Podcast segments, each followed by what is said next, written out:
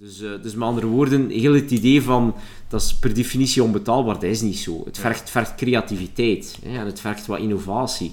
Uh, maar er zijn echt wel voorbeelden waar het, waar het effectief kan.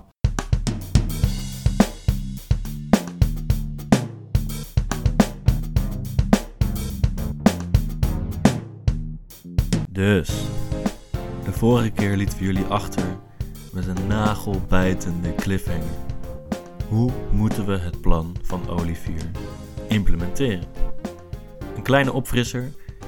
Vorige keer spraken we met de Vlaamse politicoloog Olivier Pintelon over zijn idee om de burn-out-epidemie en genderongelijkheid op de werkvloer op te lossen, namelijk de 30-urige werkweek. In de vorige aflevering zette hij de argumenten uiteen waarom die 30-urige werkweek inderdaad de oplossing zou kunnen zijn voor de burn-out-epidemie en de genderongelijkheid op de werkvloer. In deze aflevering gaat hij vertellen hoe we de 30-urige werkweek ook echt zouden kunnen invoeren. Veel luisterplezier. Nou, ik denk dat wij inmiddels overtuigd zijn. Uh, net als de, de vakbond CNV in Nederland, de, tweede grootste vakbond. Uh, die heeft onlangs aangekondigd dat ze de 30 uur week collectief willen gaan invoeren. Dan komen we op de vraag uit hoe gaan we dat doen? Want er zijn nogal wat verschillende manieren. Wat is volgens jou de beste, het beste stappenplan? Beste stappenplan. Maar ik denk de eerste stap um, voor België en Nederland is dat de overheid een kader creëert voor bedrijven en sectoren die 30 uur het nieuwe voltijds willen maken. Dus dat wil zeggen die 30 uur als standaardcontract aanbieden en daar ook een voltijdsloon voor uh, in, in plaats stellen. Um, dat is nu toch voor een groot stuk afwezig. Um, voor het, specifiek voor België zie je bijvoorbeeld op het vlak van arbeidstijdregelgeving dat dat moeilijk ligt soms. Mhm. Uh, bijvoorbeeld, uh, mensen hebben maar recht op pauze na zes uur werken. Als je natuurlijk mm. vijf dagen van zes uur invoert en je schaft de pauzes af, dat is niet echt de bedoeling. Hè. En zo, zo staan er in veel vlakken is er nog wel wat werk te doen. Aan de andere kant uh, denk ik dat de, de, overheid dat ook financieel die transitie een beetje moest, moest stimuleren. Mm -hmm. en op zijn minst... de eerste reactie is natuurlijk minder werken voor hetzelfde geld. Dat mm, lijkt mm. te mooi om waar te zijn. Ja. Hoe dat kan dat? Dat, dat, dat klinkt als een, uh, als een contradictie in terminis. Hè. We ja. daar, uh, ja. moeten daar eerlijk in zijn. Maar eigenlijk zijn er drie manieren om dat mogelijk te maken. Hè. Um, als je, uh, laten we zeggen, 20% minder werkt en je wilt daar hetzelfde loon voor krijgen, dan moet dat uurloon met ongeveer een kwart stijgen. Dat is vrij, dat is vrij, mm -hmm. vrij veel op deze gezicht. Mm -hmm. Maar er zijn eigenlijk drie manieren om die transitie te maken. Aan de, allereerst is opslag onder de vorm van, van tijd. Hè. Um, als de welvaart stijgt, als de productiviteit stijgt, dat wil -hmm. zeggen de welvaart die per uur gecreëerd wordt uh, door een werknemer, dan creëert dat marge voor opslag. Ja. Als je aan de kassa staat van de reizen en je genereert per uur 25% uh, of de Albert Heijn misschien in de Nederlandse ja, context. Ja, uh, dan creëer je misschien, uh, dan, en, en er komt per uur dat je daar zit 25% meer in de kassa, dan is er marge voor opslag. Ja. Nee? Dat is heel simplistisch het idee mm -hmm. uitgedrukt. Wel, je kan dan bijvoorbeeld het uurloon gaan verhogen. Ja. En een hoger uurloon kan aanleiding geven tot ofwel een hoger maandloon, oftewel minder uren werken voor hetzelfde loon. Mm -hmm. Want 2% ja. meer opslag op het einde van de maand, of, twee, of, of, een uur minder werken in de week, dat is economisch equivalent. Omdat het uurloon in beide gevallen eigenlijk dezelfde evolutie doet. Hè. Dus dat is de eerste dynamiek. Hè. Dus dat je maar mijn intuïtie zegt dan wel, als dat hetzelfde zou zijn, voor mij denk ik dan, uh, maar als ik een uur minder zou werken achter de kassa, dan is dat voor het bedrijf, lever ik wel sowieso een uur minder op hoeveel ik er nou voor betaald krijg of niet. Wel, of zeg je dan iets geks? Stel bijvoorbeeld bij een ronde van loononderhandelingen, hè, dat vakbonden zeggen van kijk, we gaan die marge voor opslag, we gaan daar gedeeltelijk of volledig geven aan een kortere arbeidstijd. Hè. Mm -hmm, ja. dan, dan maakt het niet uit of dat, dat die opslag nu is door op het einde van de maand die mensen wat bij te geven, of die opslag is door die mensen minder te laten werken voor hetzelfde loon. Dat is economisch ja. gezien equivalent. Ja. En is dat misschien in en, Nederland nog wel veel makkelijker te doen, omdat we eigenlijk uh, gemiddeld al 30 uur werken? Ik, ik, ik denk het wel, omdat natuurlijk voor, voor een deeltijder maakt het eigenlijk niet uit. Ja. Dus iemand die in Nederland voor minder dan 30 uur werkt, of 30 uur werkt in de praktijk, gaat dat gewoon een opslag zijn. Ja. Omdat die veel dichter bij die voltijdse norm zit. Dus in die zin maakt dat de discussie in Nederland, denk ik, gemakkelijker. Hè? Hm. Uh, nu, er is nog een tweede element. Ja, ga door. Dat is alle, allerlei vormen van efficiëntiewinst. Hè? Korter werken is vaak beter werken. Hè? Uh, dat blijkt bijvoorbeeld uh, bij Zweedse IT-bedrijven, waar men bijvoorbeeld IT-programmeurs, softwareprogrammeurs, zes uur per dag laat werken in plaats van zeven uur en een half. Hè. En wat ziet men eigenlijk? Dat die programmeurs veel minder fouten maken in hun werk. Heel simpel, zeven uur en een half achter de computer zitten, volle, volle concentratie, dat is een beetje een illusie. Allee, het is als iets wat ik niet kan. Hè. Misschien zijn er wel van die uber-mensen die dat kunnen, maar ik als is niet. Um, en je ziet eigenlijk door die werkdagen te gaan inkorten, dat men eigenlijk gigantisch veel geld terugverdient, doordat er weinig fouten zijn.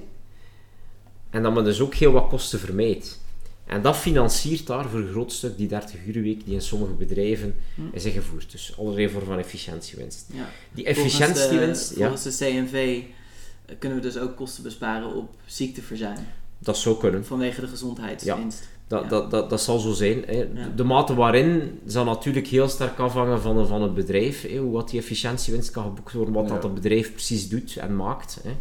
Ja, want, uh, om, om toch misschien dan weer even de tegenhanger te spelen. Als ik naar de vergelijking met, uh, met de cashier kijk. Ja. Dat lijkt me dan weer minder een baan waarbij het heel erg van belang is hoe geconcentreerd en creatief je in een moment kan zijn. Ja, ja, ja, klopt. Maar ik denk dat bijvoorbeeld bij de kassière dat, dat uh, die efficiëntiewinst ook kan komen door wat men noemt copotisering. Dus door mm. die kassière slim te laten samenwerken met, met alle technische snufjes die we nu hebben. Hè.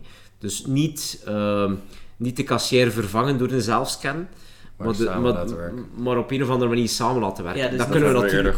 Ja. Niet, niet robotisering, maar Cobotisering. Cobotisering, ja. En dat creëert natuurlijk ruimte voor dat soort efficiëntiewinsten om die 30 uur week mee te gaan realiseren. Ja. Um, Was dat je derde punt? Nee, dat is nog altijd het tweede oh, punt. Ja. Oké. Ik heb veel te vertellen. Um, die efficiëntiewinst kan ook komen door een betere benutting van machines of van uh, uh, winkels ah, bijvoorbeeld. Ja.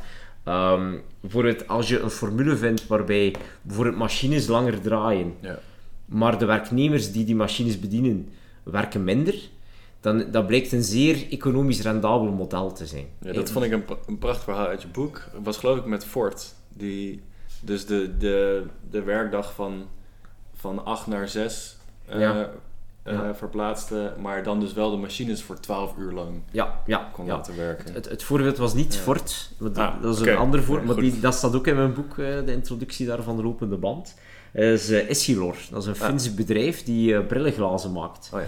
En uh, wat bleek, um, er waren heel veel bestellingen, piekende bestellingen, en die productie kon eigenlijk niet volgen.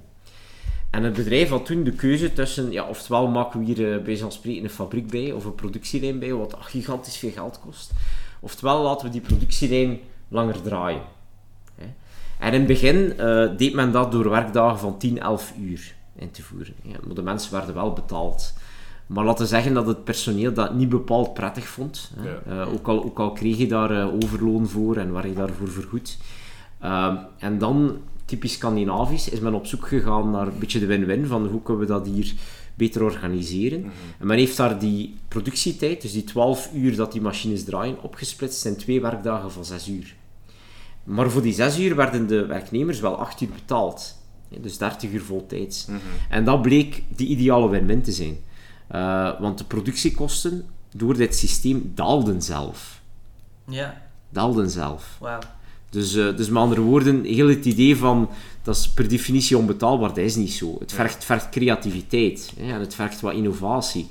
Uh, maar er zijn echt wel voorbeelden waar het, waar het effectief kan.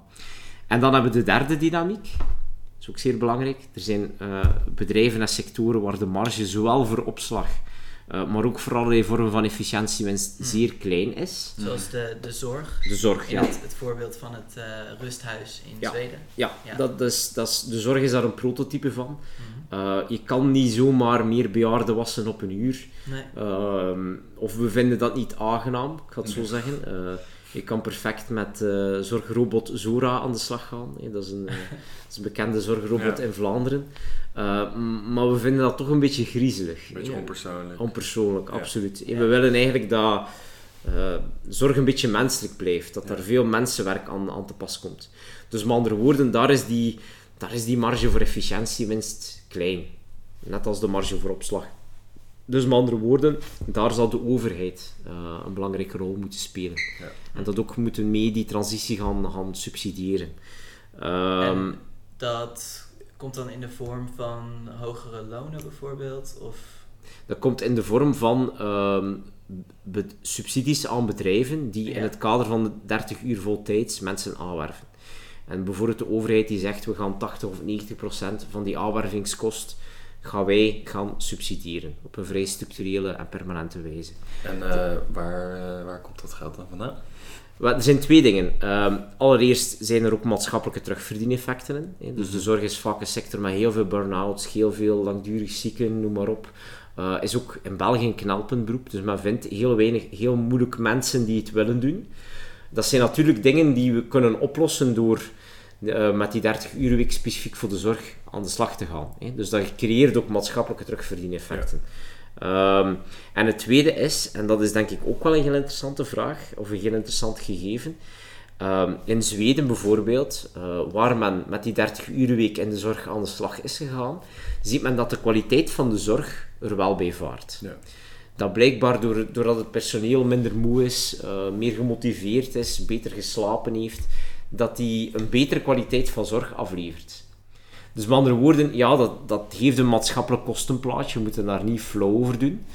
Um, maar er zijn ook maatschappelijke baten. En die maatschappelijke baten zitten ook op het vlak van, van een betere zorg. Hè. En ik denk dat zeker uh, ja, de, de zorg in België, maar ik denk even goed in Nederland, heeft sowieso een financiële impuls nodig om, om dat allemaal wat menselijker te houden. Dus eigenlijk moet je ook al die het, het maatschappelijke batenplaatje daar ook, uh, daar ook in beschouwing nemen. Ja, ja dus um, ik zie vaak dat mensen, als ze dit argument maken of als ze pleiten voor een, kortere werkweek, dat ze dan heel erg inzetten op digitalisering en robotisering. Um, de robots gaan al ons werk overnemen, dus nou, met dat geld, jij noemt het ook wel financiële brandstof, kunnen we de kortere werkweek betalen. We hebben in een eerdere aflevering van onze podcast met Robert Wendt al gezien dat dat waarschijnlijk niet zo hard zal gaan als uh, veel mensen denken. Maar jij geeft eigenlijk uh, dus nog veel meer mogelijkheden om, om toch die kortere werkweek te gaan financieren. Ja, absoluut. Ja. Um, ik denk dat um, robotisering heeft veel potentieel. Ja. Dus robotisering, dat wil zeggen mensen met machines, algoritmes, robots laten samenwerken. Hè? Omdat dat eigenlijk de, de sterkte van, van die computer, hè? dus de rekenkracht en, en het feit dat ze uh, eentonige repetitieve taken heel eenvoudig kunnen doen, mm weinig fouten maken met een beetje de creativiteit van de mens. Ik denk dat we vooral op die combinatie van die twee moeten inzetten. Um, en dat levert, dat levert brandstof op voor de, voor de kortere werkweek, die robotisering, heel eenvoudig. Uh, die robots nemen een deel van je takenpakket over. Hè.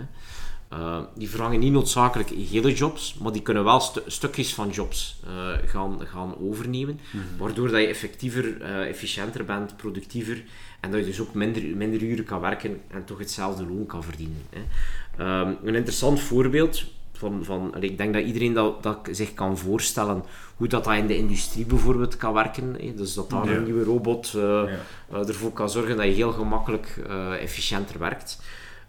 maar ook in andere sectoren bestaat die mogelijkheid. Ehm, ik denk bijvoorbeeld aan, aan het, het maken van, van een bestelling in een restaurant bijvoorbeeld. Hè.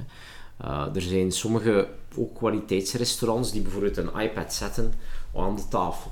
Dus eigenlijk de, het opnemen van de bestellingen uh, doet de ober niet meer, maar dat gebeurt eigenlijk elektronisch. Hè. Ja. Uh, met andere woorden, door het feit dat daar een iPad staat, kan die ober in dezelfde tijd meer omzet genereren. Want, want die gaat eigenlijk veel specifieker zijn takpakket gaan doen. En dat creëert uh, marge voor opslag en dus ook marge voor kortere werkweken voor die obers. Dus dat is een beetje de filosofie. En ik denk dat er daar nog wel veel ont onontginnen terrein is.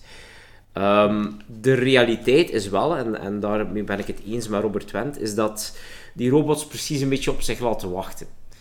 Uh, in die zin dat men de evolutie, of de revolutie alleszins, dat men dan nog niet ziet in de cijfers. Ja, het is niet zo dat er daar een, een, revolutie op dit moment op de arbeidsmarkt gaande is. We zien het eigenlijk overal, behalve in de productiviteitscijfers. Uh, ik, ik vraag mezelf af wat we te koer zien eigenlijk. Ik denk dat, denk dat de mhm. digitalisering absoluut een beetje zich op zich laat wachten. Uh, en economen zijn daar zeer hard over oneens, over wat dat daar aan de basis uh, van ligt. Ja, het zal ook eens niet. Ja, dus uh, aan de ene kant heb je, heb je een beetje pessimisten die zeggen van het is een slag, het is een slag in een glas water, hè, of een storm in een glas water. Je moet daar niets van verwachten van die robots.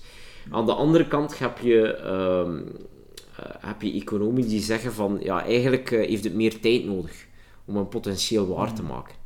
Wat dat de waarheid is, ik weet het niet. Uh, ik weet wel dat, uh, en dat vind ik een interessant argument, um, dat men um, de opkomst van het internet en de apps, de smartphones, uh, dat men dat vergelijkt wordt met de komst van de elektriciteit bijvoorbeeld.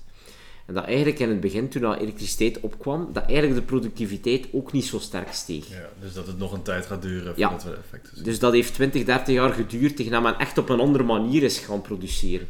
Dus wie weet is, is het een kwestie van tijd en heeft dat wat, wat meer tijd nodig om, om ingang te vinden. Nu, uh, ik wil daar toch het volgende over zeggen.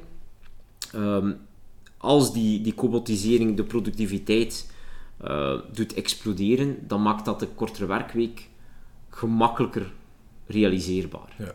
Hm. Maar het is naar mijn mening geen absolute voorwaarde. In die zin, ook als je kijkt, de, de productiviteitsgroei zoals die nu is, uh, van 1% per jaar, dat lijkt heel bescheiden.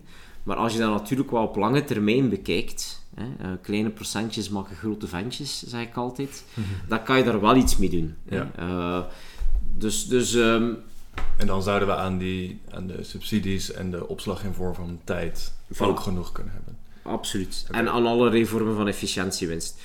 Ja, ik zie toch nog één obstakel waar we het nog niet zo over gehad hebben. En dat ligt niet in het economische gebied, maar meer in het culturele gebied. Ehm, vooral onder jonge, hoogopgeleide mensen is werk heel belangrijk voor onze identiteit. ja, ehm, ja we, we scheppen soms ook op over hoeveel we wel niet gewerkt hebben en hoe druk we wel niet zijn. Ehm, het is zelfs bijna not done om te zeggen, ik ben niet zo druk. Als je iemand vraagt hoe gaat het, dan is het altijd van, ja wel druk, maar wel leuk. Ja, bij veel bedrijven ehm, kan je bijna niet om, om vijf uur vertrekken. Ja. Ehm, dus er is ook een cultuuromslag nodig, denk ik. Ja, ja dat is een van de argumenten waarom dat we echt wel een collectief kader nodig hebben. Hè. Want als je puur er wil van uitgaan dat mensen zelf de beslissing gaan nemen om minder te werken of zelf uh, vroeger naar huis gaan gaan als ze dat kunnen, um, dan geloof ik in een aantal contexten absoluut niet in. Hè. Uh, want iedereen kent het verhaal, uh, je werk is om drie uur gedaan, maar je gaat niet naar huis, want iedereen gaat denken Misschien zijn ze gewoon heel efficiënt. Dan zijn ze een hele goede werknemer. Ja. Maar mensen vinden dat gewoon not dun om naar huis te gaan, om niet geviseerd te worden. Ja. En dat blijkt vooral voor, voor kenniswerkers een heel sterk fenomeen te zijn. En wat is daar het punt? Ja, bij, bij mensen die kenniswerk doen, is het heel moeilijk te achterhalen of dat die mensen hard werken of niet. Ja. Dus met andere woorden, dan wil je zeker niet degene zijn die het minste uren klopt. Want intuïtief gaan mensen, maar ook bazen bijvoorbeeld, leidinggevenden, die gaan denken van ja, het is precies toch een beetje een luiaard. Omdat het net zeer moeilijk te achterhalen is van, ja, werkt die, werkt die mens wel hard? Um, dus wat dat je daarvoor nodig hebt, is echt een collectief kader. Hè. Ja. Um, en ik denk, eens dat je dat collectief kader hebt, dat voor een stuk ook de, norm zal, de culturele norm zal volgen.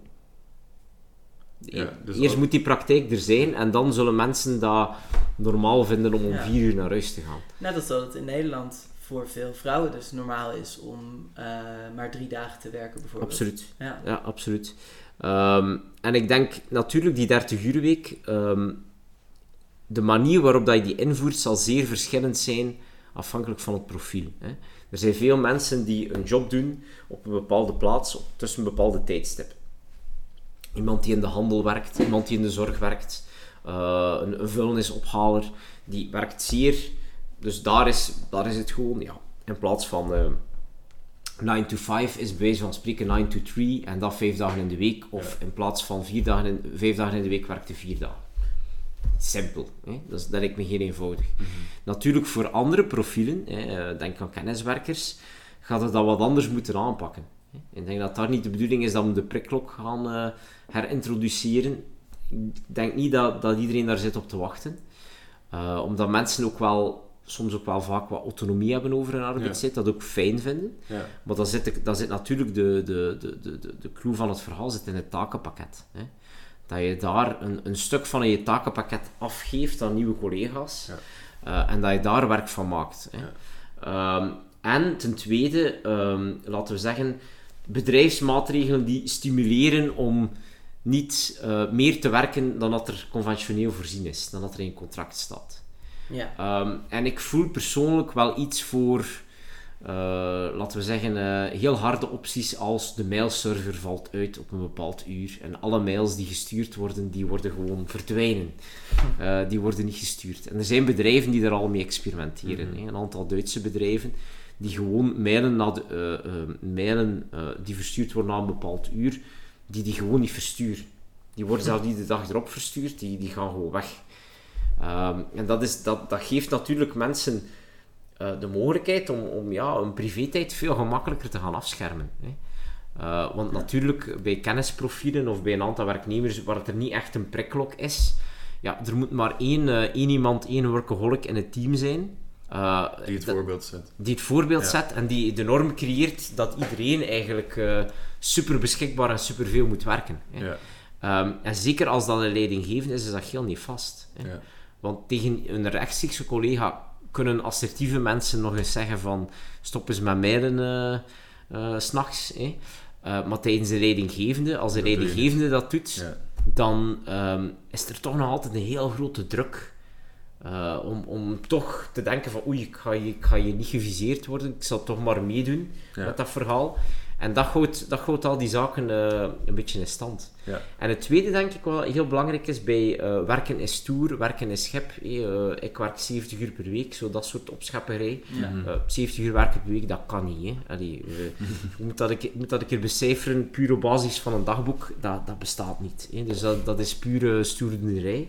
Ehm, dat heeft vaak ook te maken met het, um, het loopbaantraject uh, die in bepaalde bedrijven gehanteerd wordt. Dat is heel typisch voor heel competitieve uh, sectoren mm -hmm. of mhm. bedrijven, waarin dat de interne loopbaan eigenlijk een beetje een, een flessenhals is. Uh, je begint bijvoorbeeld, de academische wereld is daar een mooi voorbeeld van. Je begint als doctoraatstudent, uh, dan word je postdoctoraal onderzoeker en dan word je professor hè, of docent. Mm -hmm. En wat is, de, wat is de clue van het verhaal? Telkens, bij elke stap zijn er minder dan voorheen. Ja, ja, dat, ja. Dat, creëer, dat, dat concurreer je elkaar natuurlijk suf. Hey, want uh, het aantal publicaties dat je kan maken is oneindig.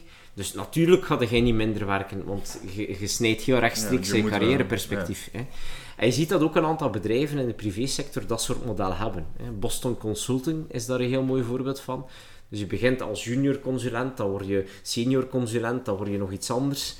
Um, steeds en, mooiere titel. Ja, steeds mooiere titel. Bent. Maar ook, ik kan niet op hetzelfde niveau blijven. Ja. Dus ik kan niet zeggen, ik, ik vind dit niveau prima, hm. ik ga 30 uur werken, ik ga het wat relaxed doen. Ja, dan, dan vlieg je er gewoon uit. Ja, ja. Uh, dus ja, in dat soort milieu is, uh, ik werk veel, eigenlijk een soort, um, ja, speelt dat je carrièrekansen in de kaart. Ja. Dus inderdaad, er is een cultuuromslag nodig. Uh, en precies daarom moeten we het collectief doen. Ja, ja dat ik denk dat... dat... het thema wat we echt in elke podcast weer terugzien. we moeten ons verenigen. Ja, ja, ja, um, Klopt. Ik ga hiermee ook een beetje het gesprek afronden, want we moeten ook niet te lang werken, denk ik. Nee, precies. we zijn al een uur bezig. Wij blijven Nederlanders, dus uh, wij willen niet te veel werken. Wij, ba als... Belgen werken voltijd, zeg, je weet dat, hè? Ja. nou, ik, ik ben als uh, afsluiting wel, wel benieuwd. Hoe, hoe richt jij je werkweek in? Um, wel, um, ik werk... Uh, 70 uur. 70 uur. uh, ik, ik werk uh, conventioneel, contractueel 36. Mm -hmm. um, en ik, ik, ik hou de vrijdagmiddag zoveel mogelijk vrij. en ik tracht dat wel wat te respecteren en na te leven. En op zich, die vrijdagmiddag, dat creëert al wat ademruimte. Ja. dus dat is toch wel iets die... die die helpt. Ik moet er wel, uh, moet er wel bij zeggen, uh, de periode dat ik mijn boek schreef, uh, dan, dan ging ik daar wel over. Ja. Ehm, maar uh, je merkt ook wel zeer goed aan jezelf dat dat ook niet te lang hoeft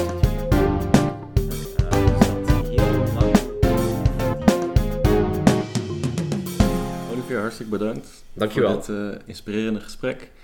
Als mensen je boek willen lezen, het heet De strijd om tijd. Uh, mensen kunnen je ook volgen op Twitter, waar je ook actief op bent. Absoluut. En het is, uh, het is te koop voor de democratische prijs van 20 euro. Kijk. Dus uh, je krijgt nou, er heel wat inspiratie over tijd over terug. Ja. En um, ik, ik, heb ook met mijn boek proberen mensen munitie aan te reiken. Ja. Ik denk dat de 30 week als voltijdse norm, dat dat nog op heel wat misverstanden en vooroordelen stuit. in België, maar ook zeker en vast in Nederland. Um, en ik denk mensen die mijn boek gelezen hebben, die, die vinden eigenlijk uh, heel wat munitie om, om anderen te gaan overtuigen. Ja. want ik denk dat we dat nodig hebben. We hebben echt die maatschappelijke omslag nodig. En uh, dus met andere woorden, lees mijn boek en word mee ambassadeur voor de 30 uur week, want samen kunnen we echt die verandering waarmaken.